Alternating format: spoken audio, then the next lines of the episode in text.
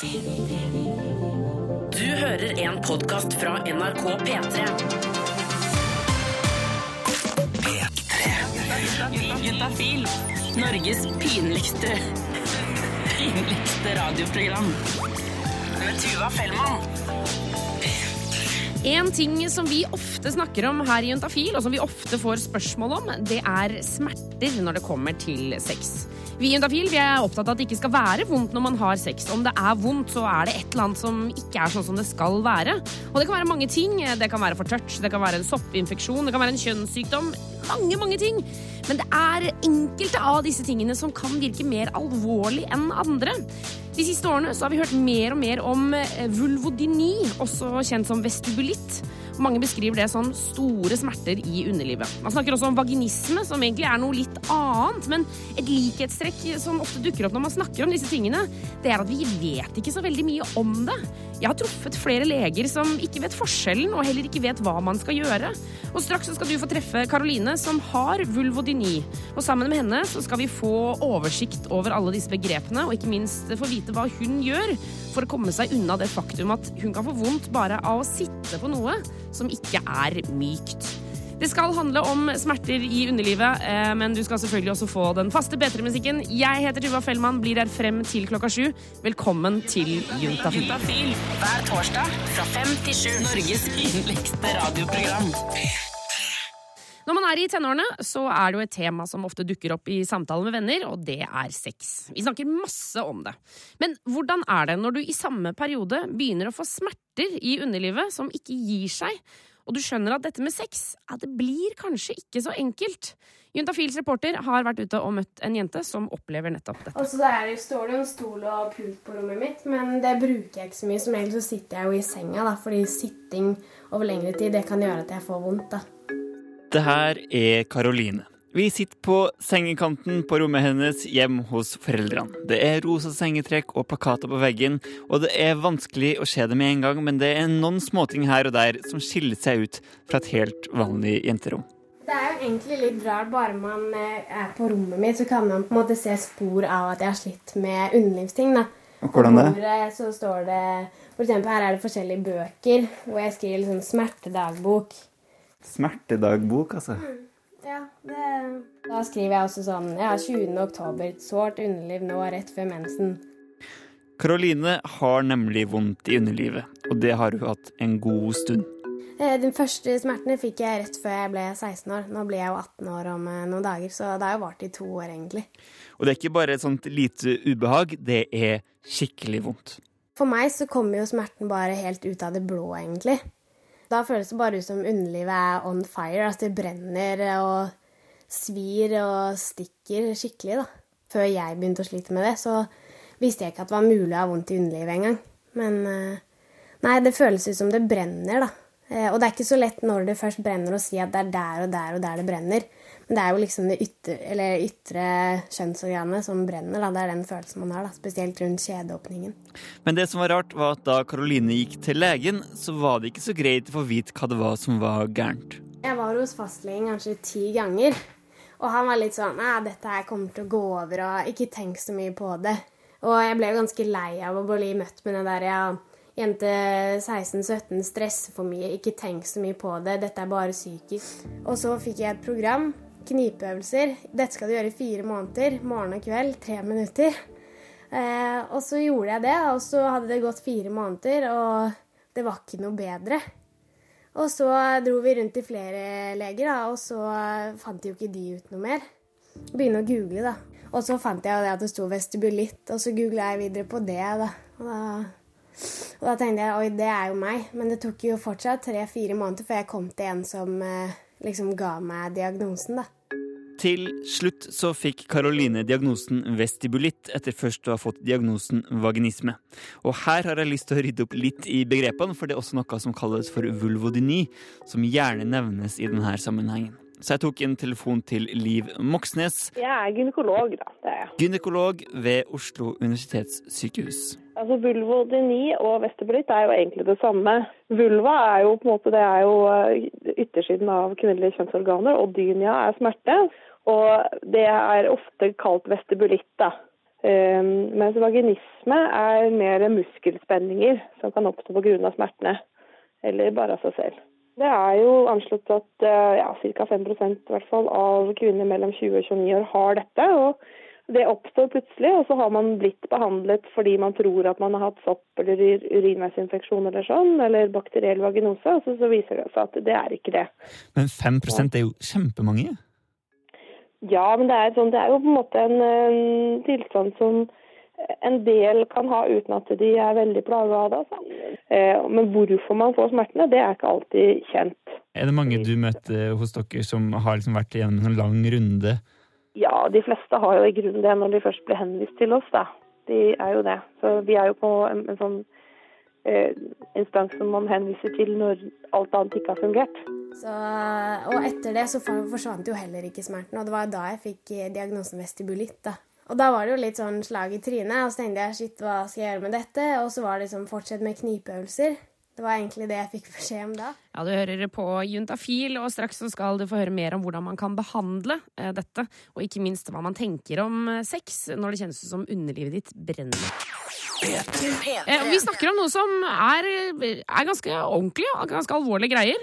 Eh, for vi snakker om det å ha kroniske smerter i underlivet. Vi har snakket om vulvodyni, eh, eller vestibulitt som det også kalles, i Juntafil tidligere.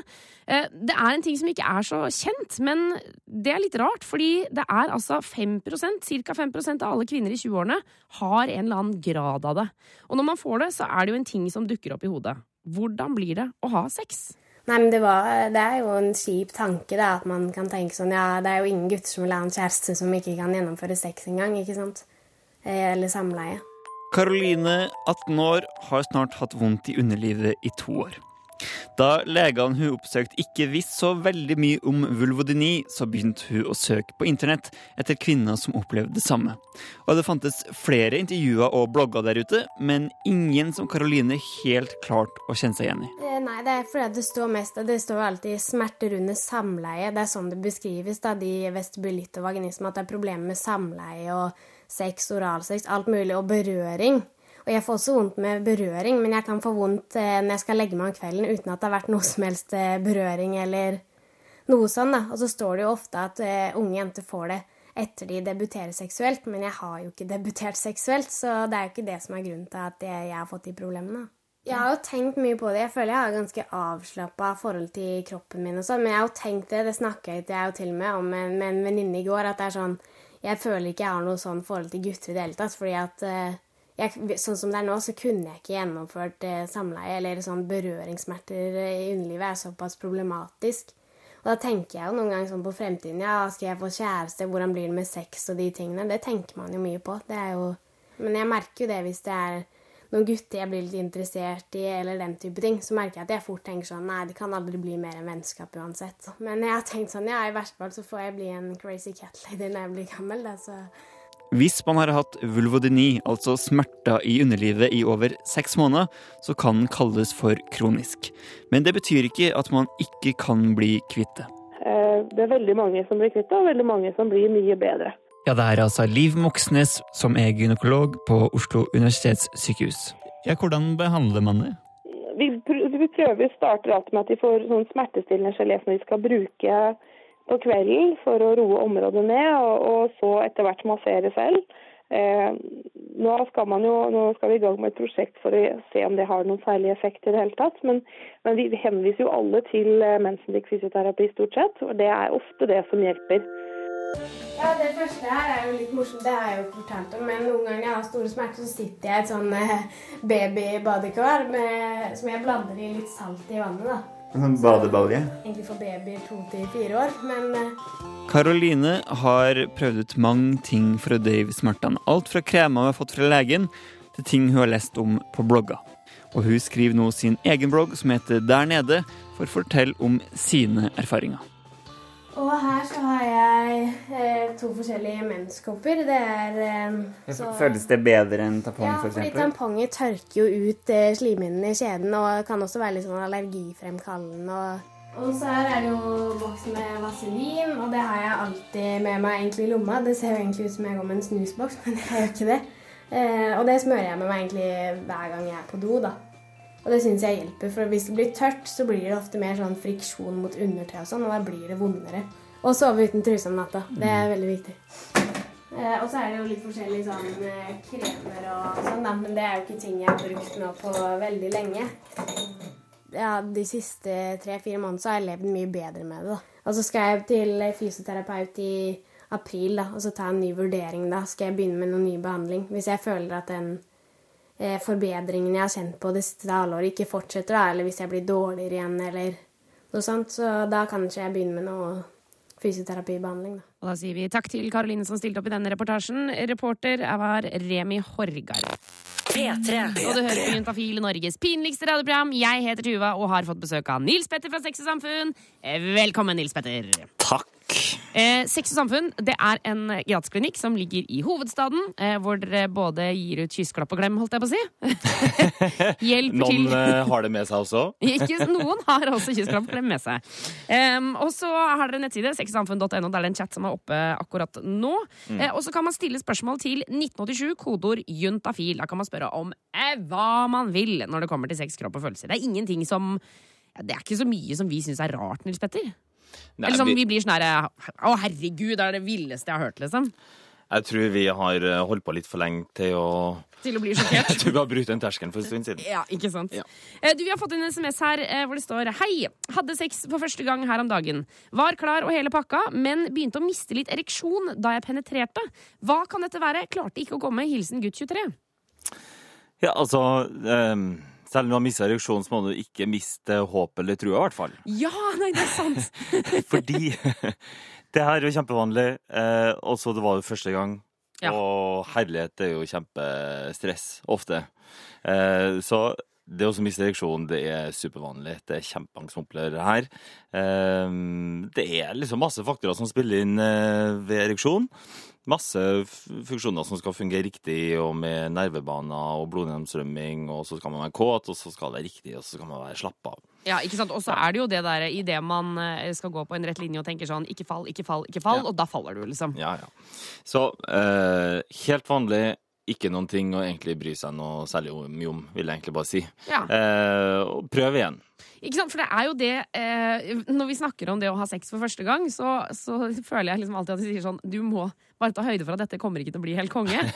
Bare ikke ha så sjukt høye forventninger, for det, dette kommer til å bli kløning og knoting, og det blir liksom ikke nødvendigvis så innmari digg. Jeg tror det er litt sånn dere med å ha sex første gangen. Det er litt sånn bare for å krysse av liksom ha gjort det. Ja. Ja, Og så på en måte så kan man begynne bare liksom å hoppe over dere bøygen første gangen, bare for å liksom bli litt sånn ferdig med det. Og så kan man liksom gjøre seg litt refleksjoner og gjøre en liten sånn eh, debriefing etterpå hva hva skjedde Ja. i kroppen. For det skjer jo veldig mye rart.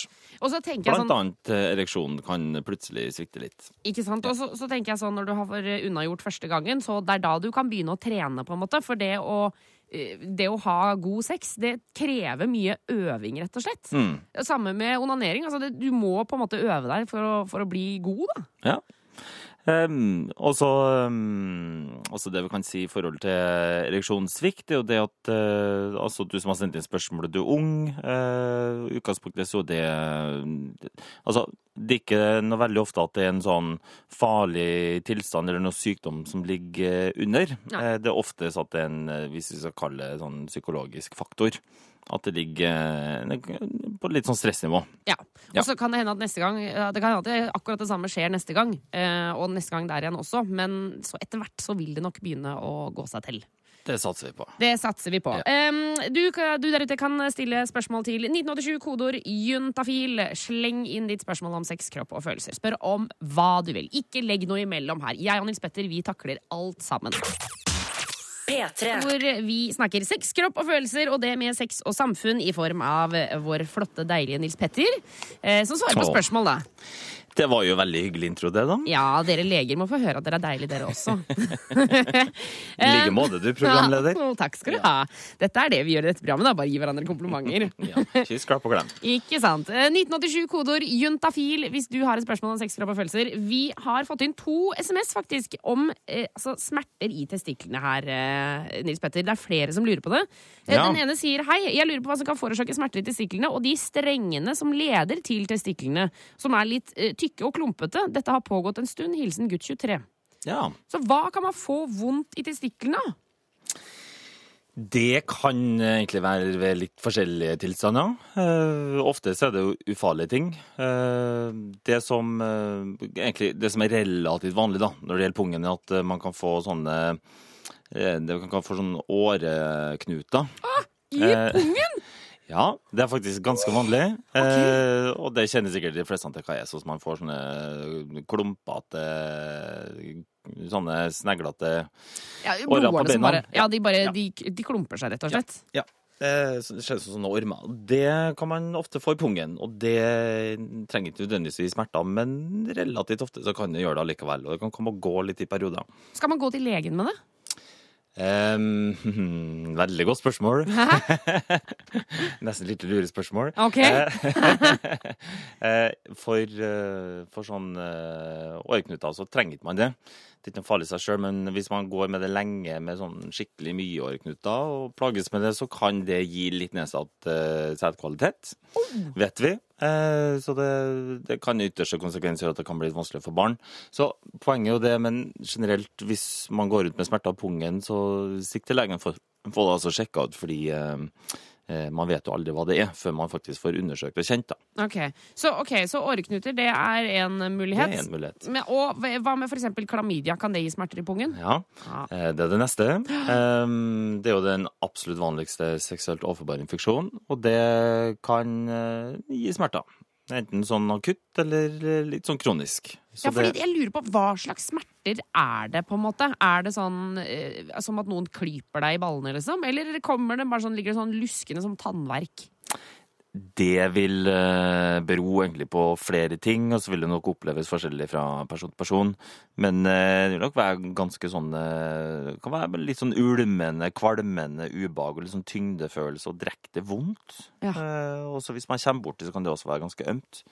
Så um, flere ting å utelukke ved smerter. Okay. Um, så det kan være litt vanskelig å si sånn på styrten hva akkurat det skulle være i tilfellet her, da. Så, eh, så hvis vi skal oppsummere litt her, da. Det, det, er, det er mange muligheter, eh, Mm. men alt i alt så syns vi at gutt 23 skal ta en tur til legen da, og få det sjekka ut, liksom. Ja, siden det har pågått en stund, eh, og i hvert fall har vi ment at det kan, sånn som du sier, være klamydia. Mm. Det er, ikke sånn kjempe, det er ikke sånn at klamydia oftest gir smerter på ungen. Absolutt ikke, men det kan gjøre det. Og hvis det gjør det, så er det et absolutt tegn på at klamydiaen har eh, begynt å ta grep. Da har klamydiaen begynt å festegrep, og her. da, da bør man i hvert fall eh, skynde seg for behandling. Ja, ikke sant. Ok, ta en uh, tur til legen. Uh, men uh, siste spørsmål her, Nils Petter. Mm. Haster det? Altså, er det sånn, Burde han bli stressa, eller er det bare å bestille en legetime som kommer om to uker? på en måte? Altså hvis det, igjen er det akutte smerter som oppstår, i hvert fall hvis, for å si sånn, hvis det er sånn kjempeakutte smerter, så, så skal man absolutt komme seg til lege tvert, fordi da kan det være at det er en sånn vridning eh, av testikkelen som gjør at eh, blodtilstrømmen stoppes. Eh, men det er sånn skikkelig intense, akutte smerter, og hvis det har pågått en liten stund, så er det alltid litt sånn, hvis du får time først om en måned, så er det litt lenge, men får du time neste uke, så kan jo sikkert det være fint. Ok. Ja. Eh, 1987 kodeord juntafil hvis du der ute har spørsmål om sex, kropp og følelser. Lykke til, gutt 23.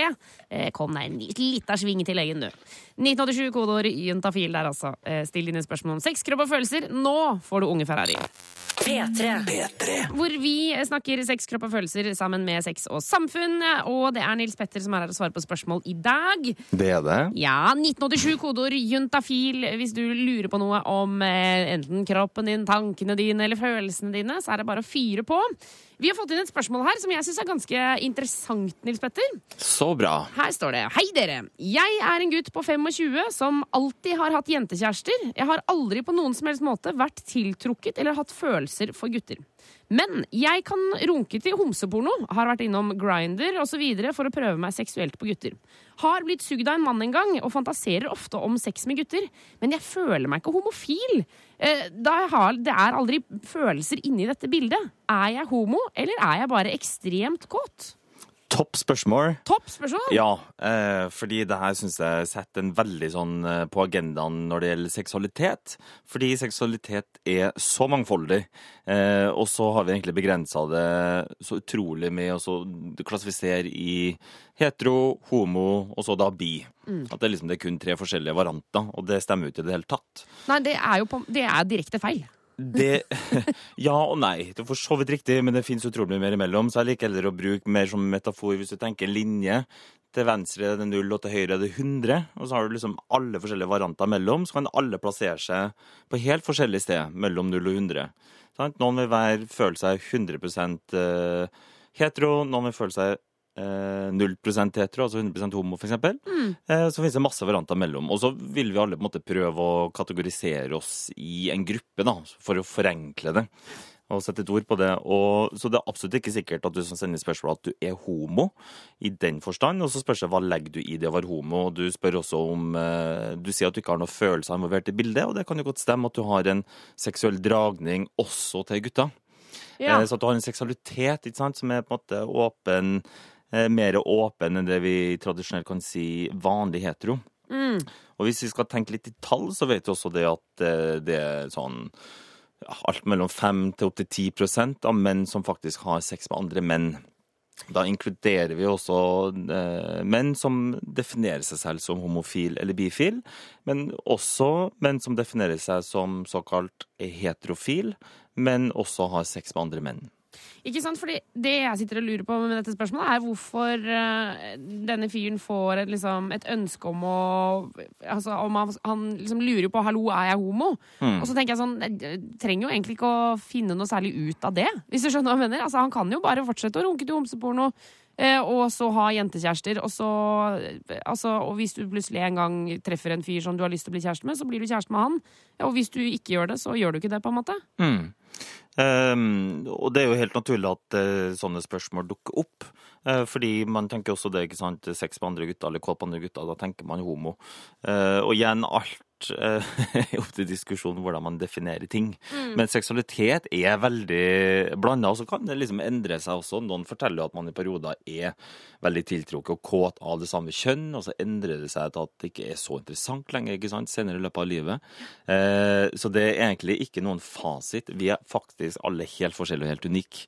Eh, så poenget blir også å oppleve hvordan er din seksualitet, og bli bekvem med den, og, og ikke sette begrensninger på det. Nei, ikke sant. Ok, men så deilig, da. Hva, Ja. skal, vi, skal, skal han gjøre noe? Skal, eller skal, vi bare, skal han bare fortsette sånn som han holder på? er det, liksom, må han gjøre noe?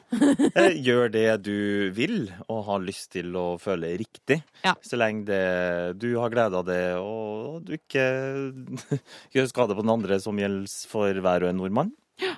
Og så tenker jeg sånn, fordi altså, Han virker jo som at han eh, er eh, aktiv. Og da tenker jeg sånn, når han spør, spør sånn Er jeg ekstremt kåt, det er bare kjempebra. Jeg Mm. blir sånn Herregud, så stas at du er ekstremt kåt. Dritbra. Og så er det en fin måte å finne ut av ting også, da. For noen eh, bevarer kanskje bare på tankenivå, Ja. eller føler på ting, men det å faktisk utforske det er også en veldig fin ting å, å finne ut av ting. Ikke sant. Ja. Eh, tusen takk for spørsmål, gutt 25. Vi skal ta for oss flere spørsmål litt senere. Tuva heter jeg, eh, og leder altså Norges pinligste radioprogram. Jeg syns det er fint og deilig. Eh, Og her om dagen så kom jeg på eh, en hendelse eh, for, eh, for mange år siden, da jeg akkurat hadde begynt å gå på byen. Eh, Du vet når liksom, Jeg hadde blitt 20, så da kunne jeg gå på de stedene som solgte sprit, og jeg liksom syntes det var dritstas.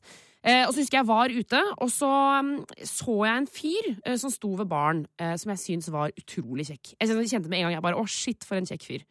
Og så eh, tenkte jeg jeg skal rett og slett prøve meg. Gikk bort, kom i prat. Eh, vi snakka, og han var kjempehyggelig, og det var ganske god stemning.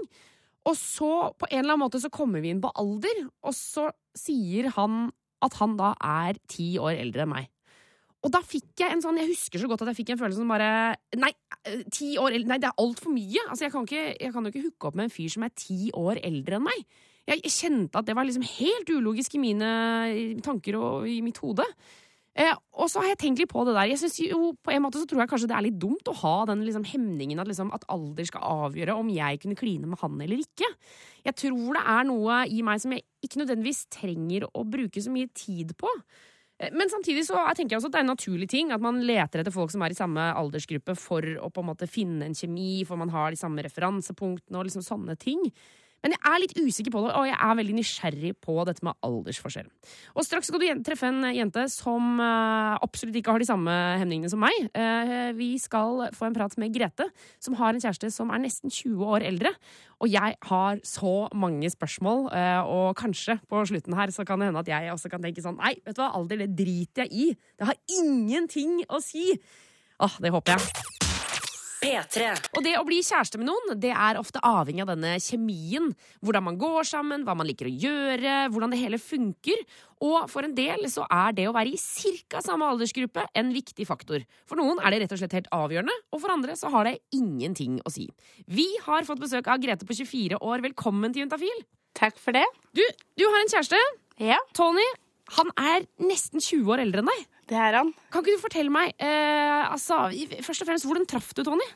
Eh, Vi møttes på en sommerfest. Det var egentlig et eh, 40-årslag som eh, var en så knall fest at det ble, vi gjorde det til en eh, årlig sommerfest.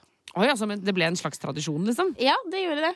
Ok, Så du står på eh, sommerfest. Eh, Dette er jo et par år siden. Ja. Og så ser du denne karen komme gående. Hva er det du tenker når du ser han? Han står faktisk eh, som DJ på denne festen, og jeg klarer ikke å slutte å se på han. Han var den eneste attraktive personen på denne festen, og alt jeg så var et veldig, veldig sjarmerende smil, og ja.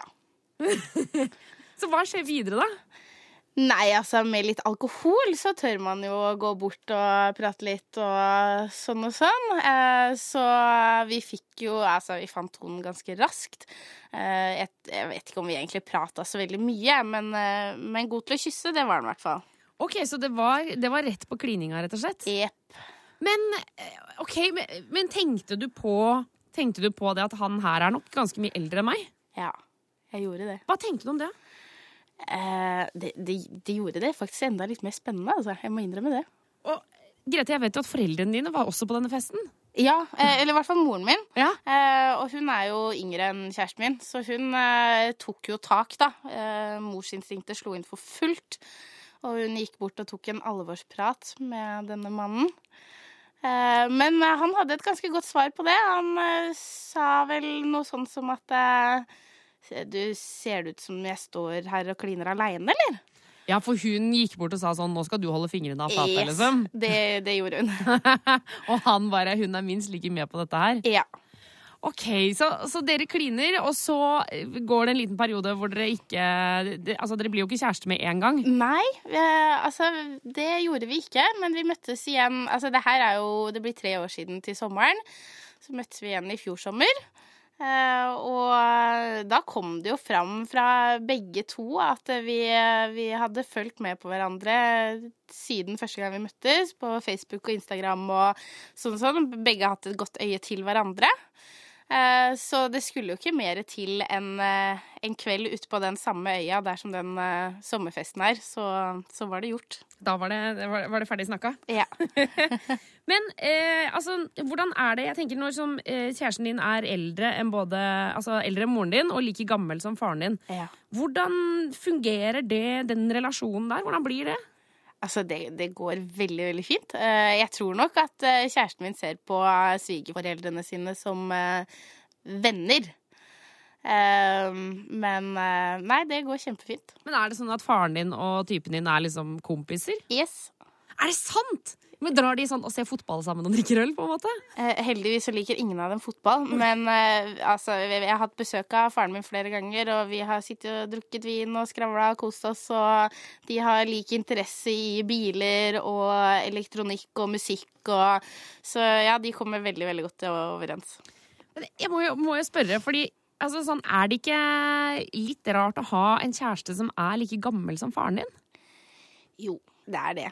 Eh, spesielt hvis eh, kjæresten min snakker med moren eller faren min, og de begynner å snakke om sånn derre barne-TV på 70-tallet og altså ting som jeg ikke henger med på i det hele tatt. Da, da, føler, jeg, da, da føler jeg meg litt utafor. Når de snakker om gode, gamle dager, liksom? Ja. og du bare Og utesteder i Oslo som jeg aldri har hørt om. Og, ja. Men hva gjør du da, når, når de liksom setter i gang og prater om utestedene og musikken og artister og alt som var før i tida? Da går jeg og tar meg en røyk. Da går det, tar deg en røyk. Eh, Grete, vi skal snakke mer med deg. Eh, vi Juntafil vil jo selvfølgelig eh, vite om sexlivet her.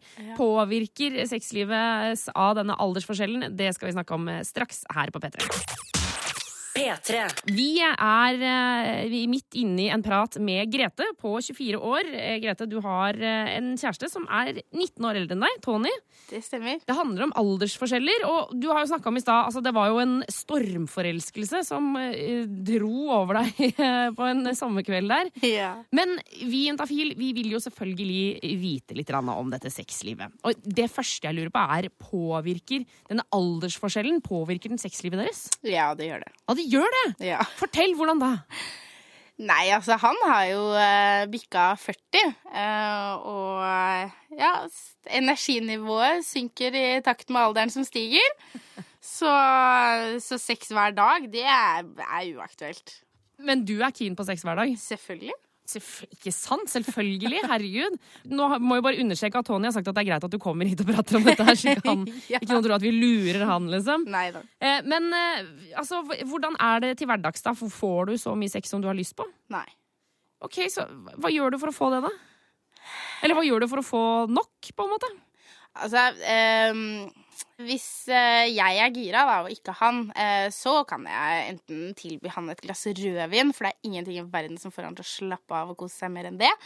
Eh, eller så ehm, har jeg jo en del eh, penklær, om du vil, eh, som også gjør susen. Nettopp, så da bjuder du på litt, liksom. Ja. Men så vet jeg også at dere har hatt en slags liten konkurranse, eller et veddemål av noe slag. Ja. Fredag kveld er liksom standard vinkveld da hjemme hos oss. Eh, så um, satt vi en kveld, drakk rødvin, og så skulle vi spille fire på rad. Eh, og da hadde vi et veddemål. Og hvis jeg vant, så skulle vi ha sex hver dag i to uker. Ok, Og hvis han vant, da? Eh, da skulle han vite alt av hva jeg så på på porno det neste halve året. Hæ? Eh, Nå var, ok, Så enten skulle han få vite alt du så på av porno det neste halvåret, eller så skulle dere ha sex hver dag i to uker. Ja. Og hvem vant? Jeg. Du vant! Ja! Dæven døtte! Å, herregud! Hva, hvordan, eh, kan ikke du beskrive dette øyeblikket når du, når du skjønner at det er du som vinner fire på rad? Jeg syns jo det var veldig ålreit at han sa jeg kan jo ikke akkurat kalle det et tap at jeg får ha sex med kjæresten min hver dag i to uker. Det var jo ålreit. Det er ikke sånn at jeg tvinger han. Um, men eh, er alltid, alltid moro å vinne. Så um, fikk dere Altså, hvordan gikk de neste to ukene? Jo, det gikk kjempefint. Veldig koselig. Men blir det ikke litt påtatt når det er sånn Ja, nå er klokka ni på kvelden. Nei, altså, da er det bare et par timer igjen av døgnet. Nå må vi gjøre det, liksom. Nei. Jeg tenker at Hvis jeg hadde vært eh, lenger enn to uker, så, så kunne det nok blitt det. Men, eh, men det handler litt om det der å finne tilbake til eh, ja, hva som er deilig med sex, da, og uh, at uh, det verken eh, krever veldig mye tid eller energi, eller uh, man kan ha sex i ukedagene selv om man har en hektisk arbeidsdag og småbarn og ja. Nå ble jeg litt sånn imponert. Altså, tenker du at dette her kan være et tips til folk der ute som har lyst til å friske opp litt? Ja. Ja. Kortspill funker òg. Det har vi også prøvd. Ok, Hva slags, slags kortspill går det for da? Ja, alt. eh, Vriotter, eh, idiot. eh, Best av tre. Best av tre. Ja. det, der, det der liker jeg godt, altså. Eh, Grete, tusen, tusen takk for at du kom innom Juntafil i dag. Jo. Takk for at jeg fikk komme. Ha en strålende dag videre. I like måte. P3. Og vi har med oss Nil Petter. Nil Petter, faktisk. Nils Petter fra Sex og Samfunn. Er du klar for å svare på litt spørsmål, eh, Nils Petter? Ja, ja, ja. Ja, folk lurer. Eh, Det, er, eh, det tikker inn til 1987, kodeord juntafil, men vi har en halvtime igjen av programmet, så det er flere spørsmål å svare på. Så bra. Ikke sant. Her står det Hei! Bruk av sexleketøy. Er det, det, det, det er liksom overskriften her. Lurer på om jeg ikke skal begynne på spiral eller p-piller. Lurer nemlig på om spiralen eventuelt kan ødelegge sexleketøyene mine. Hilsen leken jente 24. Først og fremst kan vi ikke ta for oss hvordan denne spiralen ser ut. Bare Ja. så vi har det klart, liksom. Ja, eh, for det som jeg merker i min jobb, er at de fleste jenter og kvinner tror at den spiralen er mye større enn den egentlig er. At det er noe en kjempegreie Det å sånn stappe inn. Hæ, er den så liten? Ja. Det er stort sett reaksjoner for når jeg viser en sånn demo. Eh, Så den er veldig liten. Den er en sånn drøyd drøyt to centimeter i lengden, og så har den den forma som en sånn T. Altså bokstaven T. Ja. Ja. Eh, og så øh, Den er veldig bøyelig, fleksibel. Den sitter eh, innerst i livmora. Eh, godt beskytta der. Eh, og så er det da en tråd som eh, fører ut akkurat eh, utenfor kanalen til, til livmorhalsen. Og denne tråden, det er sånn Det, det høres så rart ut å si, men Ja. det er litt sånn ståltrådaktig, Ja, liksom. men den er kjempetynn, eh, så den er som regel ikke merkbar. Eh, og den er der egentlig hovedsakelig for at man skal kunne ta ut spiralen når den tid kommer. For da napper vi egentlig bare i den tråden, eh, og så kommer spiralen ut. Okay. Og den tråden eh, klippes litt forskjellig lengde når man setter inn spiralen. da. Eh, Den kan enten klippes veldig kort, eller litt lenger, litt avhengig av Ja, som regel noen centimeter. To, tre, fire centimeter lang. Så det er vel den hun er bekymra for når det kommer til leketøyene? Ja, så eh, Så vidt jeg vet, så er det ingenting som kan ødelegge den tråden. Eh, for spiralen i seg selv, den sitter jo godt beskytta inn i enden av livmora. Så der, eh, den kan du på en måte ikke gjøre noe skade ved noe sexleketøy. Um, og så tenker jeg det eventuelt i forhold til tråden, og det jeg kan ikke tenke meg at noe sexleketøy Eller at den spiralen skal ødelegge sexleketøyet. Ja, At, for- at sexleketøy ikke ja. tåler det, liksom? ja, men jeg, jeg lurer kanskje på om hun eh, mener om den tråden er sånn kjempehard.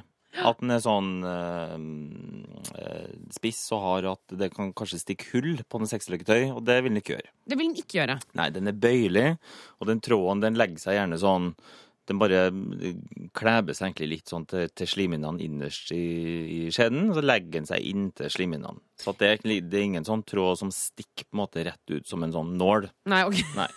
Man har Å, herregud, vi ville jo hadde jo ikke hatt det, liksom, hatt det hvis det var sånn nål i tissen, liksom. Nei, og det ville nok ikke noe mange eh, mannfolk foretrukket heller. Nei, ikke sant. Ved penetrering. Men jeg skjønner jo godt spørsmålet, fordi Ja. sexleketøy er jo helt utrolig dyrt. Så, så i det liksom, man har kjøpt en dildo til 1000 kroner, og så skal, liksom, skal det bli Mm. ødelagt pga. spiralen For jeg, jeg tenker litt sånn omvendt. Kan være litt mer relevant om et sexleketøy kan eh, tukle litt med den tråden. Oh, ja! Så jeg tenker, Nå aner jo ikke jeg hvilke sexleketøy du har, men eh, altså, hvis det er noen ting som Ja, hva skulle det ha vært? Nei, Det, det måtte jo vært liksom noe klypeaktige ting, da, Ja. men man bruker jo som oftest ikke det. Det er jo runde, butte saker man putter opp. Ja, for å si Hvis at det er noe sånn leketøy som en hvilken som helst tråd lett kan hekle seg inn i, ja, så vær litt varsom med det. Men det er ingenting her som skal være noe farlig. Og jeg tenker at i jeg har jeg ikke hørt om noen som har eh, hvor spiralen har falt ut fordi man har vikla noe sexleketøy inn i tråden. Men vær nå litt eh, obs på det, da. Ja. Hvis du setter inn spiral. Spiral er tipp topp eh, prevensjonsmiddel. Sikrere enn p-piller. Sikrere enn p-piller. Så får vi inn den også. Ok, Ja. så da er det bare å stikke til legen her og sette inn spiralen Jente24. Og grattis med å være leken jente. Det, ja, det liker, jeg, liker jeg godt da, Nils Petter. Ja, vi gjør det. Ja, det er bra, bra, bra. bra. Eh, straks så skal vi ta for oss flere spørsmål. 1987, kodeord juntafil, men før det skal vi en lita svipptur til Storbritannia og Stormzy. P3. Norges vinligste radioprogram. Ti over halv syv er klokka blitt, men vi skal eh, få med oss et par spørsmål til før vi takker for oss. Nils Petter fra Sex og Samfunn er jo klar. Mhm. Ja, Her kommer det noe som dere på Sex og Samfunn er opptatt av. Ja. Ja, kjønnssykdommer, vet du. Eller, og ikke, ja, det er kanskje ikke kjønnssykdom, det, det trekker jeg raskt tilbake. For her står det. Okay. Jeg var hos legen i dag og fikk vite at jeg har en soppinfeksjon i munnen. Er dette noe som kan smitte over dersom vi kysser eller jeg gir han en blowjob? Så det er jo ikke en øh, kjønnssykdom. Eller Nei. er det det? Nei, altså ehm, Nei. Og for å si det sånn, når det gjelder soppinfeksjoner, så er det hovedsakelig betyr Altså, vi er alle full av eh, sopp og bakterier og så dels virus i kroppen. Både på huden og på slimhinna og i tarm osv. Vi skal jo ha det, liksom. Det er Ja. naturlig og viktig. Og, og Ja, det er sånne mikroorganismer som bor og trives på oss, og som egentlig ikke gjør noe skade. Innimellom så blir det av forskjellige grunner overvekst av f.eks. sopp. Av en eller annen grunn så har soppen trivdes mer. Vi har alle sopp i munnen, så har den trivdes mer akkurat hos deg. Eh, og så blir det da som en infeksjon. Eh, og det vil ikke bety at du smitter den over til en annen person. Så heller ikke ved kyssing så er ikke det noe utgangspunktet noe risiko, sånn sett. Men eh, så kommer det jo litt an på f.eks. Ved, eh, ved en blowjob. Altså, det kan være at han eh, får litt irritasjon på penis etterpå, men burde ikke utvikle seg til noen sånn soppinfeksjon på penis. Det kan gjøre det, men ikke nødvendigvis. Ok, men Hvordan behandler man egentlig soppinfeksjon i munnen? Jeg visste ikke man kunne få det.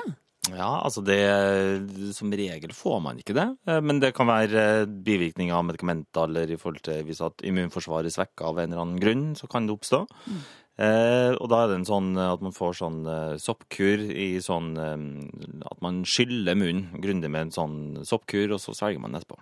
Ok. Eh, Men, men så råder vi henne da til å ikke gi blowjobben, eller gir vi den en sjanse ved å, å si, siden det er så liten sjanse for at det skjer noe der? Så jeg har veldig lyst på, på å gi en blowjob, så må du bare gjøre det. Ah, okay. Det er ikke noe farlig sånn sett. Nei. Eh, Vi har også fått en SMS her hvor det står eh, Hei, Juntafil. Kan man påvise klamydia kort tid etter ubeskyttet sex ved urinprøve, eller må det ventes en viss tid? Hilsen mann 30. Eh, ja, spennende, fordi eh, Altså, klamydia den brukes som regel noen dager på å utvikle seg etter en smitte. Eh, som regel så er det mellom 5 og 14 dager før man har blitt smitta at det kan påvises ved en prøve, eller at symptomer oppstår. Um, og så bruker vi gjerne nå å si Vi har brukt og sagt uh, ta en test etter minst én uke. Nå sier vi egentlig vin, altså vent i to uker. To uker. Ja, fordi det viser at noen gang, eh, hvis det har gått kanskje syv, åtte, ni dager, så vises det ikke hos eh, noen på testen, og så vil den bli positiv eh, kanskje to-tre dager etterpå. Ok, så, Ja. så det er rett og slett en 14 dagers periode hvor du bare må gå og vente i spenning, Ja. holdt jeg på å si? Ja, men det betyr altså for de som får symptomer, for det er veldig mange som ikke får symptomer eh, hvis de er smitta av klamydia, men hvis man får symptomer, så skal man selvfølgelig ikke vente eh, i 14 dager før man kommer og, og sjekker ut det. Nei, det er sant. Så er det symptomer etter en fem dager, så er det på tide å ta en tur. Ja, Ja. ikke sant. Eh, Lykke til, mann 30. Krysser fingra for at det er rent og pent eh, nede og stellet hos deg. Eh, Vi skal ta for oss Det kan jo være. Det kan være, og det kan ikke være rent og pent. Det blir spennende å se. 1987, kodeord juntafil for spørsmål. P3. Du hører på Juntafil, og vi skal ta med oss dagens siste spørsmål. Nils Petter fra Sex og Samfunn, er du klar? Alltid. Alltid. Her står det Hei, Juntafil. Jeg er en jente på 35 år som ikke har vært sammen med en gutt på veldig lenge. Vi snakker altså år. Jeg føler meg eh, eh, jeg, Det står Jeg er, føler at jeg ikke har så mye erfaring med de fleste på min alder. Det har bare ikke skjedd. Er redd for at jeg skal treffe en jevnaldrende gutt som forventer mer av meg enn det jeg kan gi han akkurat nå. Er komfortabel med kroppen min og får komplimenter, men er allikevel usikker. Har du noen tips til hvordan jeg kan eh, slappe litt mer av? Setter stor pris på svar. Takk skal dere ha. Det må vi jo gi noen tips til, Ja, det får vi prøve så godt vi kan på. for det tror jeg vi alle kan eh, jobbe litt med. ja. Um, det høres jo litt ut som uh, prestasjonsangst. Ehm, at man blir litt usikker, og det blir man gjerne jo mer tid det går.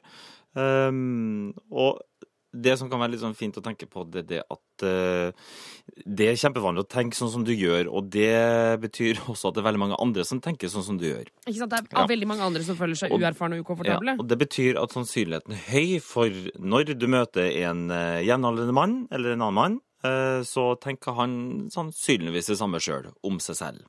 Så det kan ofte være en uh, måte å kunne finne en liten ro på at uh, folk er stort sett veldig opptatt av uh, egen prestasjon, og kanskje ikke lete etter feil i andre sin prestasjon. Eh, og så er man jo det er jo så vanskelig når det kommer til sex. Fordi uansett hvor mye erfaring man har, eller hvor god man klassifiserer seg som sjøl i senga, eller hva man har prøvd ut og ikke prøvd ut fra før, så betyr ikke det at eh, sex med en ny partner kommer til å bli bra.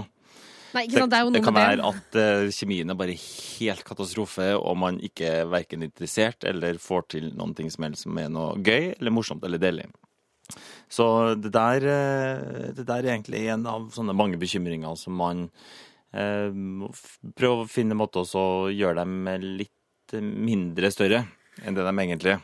Altså, Man må jo rett og slett bare begynne å gi litt mer faen, tenker jeg. Gi faen er en veldig fin ting, fordi det får en faktisk til å slappe av litt mer. Ikke sant? Ja, og så heller vel, altså tenker jeg hvis at det er for å møte en partner også som man har lyst til å utvikle en relasjon med, så blir man jo så trygg på hverandre. Eh, og så utvikler man jo et eh, sexliv seg imellom. Sant? Så der, eh, og, og det er helt umulig å vite på forhånd hvordan det skal bli uansett. Men også tenker jeg sånn Kanskje hun kunne liksom, Er det en tanke å, å møte noen som hun egentlig ikke har eh, intensjon om å utvikle en eh, lang og god relasjon med? Altså en som hun bare har lyst liksom sånn, Det å bare eksempel ligge med noen man må jo ikke liksom eh, alltid ligge med noen fordi at man elsker eller fordi man er Nei. forelska. Sånn. Altså, det går an å bare ja, jeg, Nå bare ligger jeg med han, og så han driter jeg egentlig litt i. Altså, vi skal ha en hyggelig Så lenge han skjønner liksom greia, da. At For- de, de kan ja. ha en natt, og så kan hun øve seg på han, på en måte. Ja, for å trene litt? Ja. Ja. Eh, Eller var det uetisk av meg å si? Nei. Altså, man kan jo godt gjøre det. Eh, så spørsmålet er at man ikke lager det til et problem, det òg, da. Ja, ikke sant? Ja. Det, blir, det gjør det bare enda Ja, verre. men hvis liksom. man tenker at oi, ja, men det er jo en fin ting, og det slapper jeg mer av på litt sånn who cares, om det blir bra eller ikke, så, så vær så god. Um, ja, altså sånn um, Det er flere måter å bygge opp selvtilliten her, da. Og én måte kan være å ha sex med andre hvis at det er noe spesifikt man føler man har lyst til å måtte, trene på eller utforske. Ikke sant? En annen ting er å justere litt på hvordan man forholder seg til bekymringer og tanker. Nils Petter fra Sex Samfunn, tusen tusen takk for at du kom innom eh, Juntafil i dag. Takk for meg igjen. Eh, og eh, til deg i NT35, masse lykke til. Dette kommer til å gå bra. Pust med magen eh, og ta det som det kommer. Eh, og så håper vi at du fikk eh, et fint svar. Vi i Juntafil er Det er over for i dag. Vi er tilbake neste uke mellom fem og syv. Jeg heter Tuva Fellmann. Vi snakkes ja, neste uke. Du finner flere podkaster på p3.no podkast.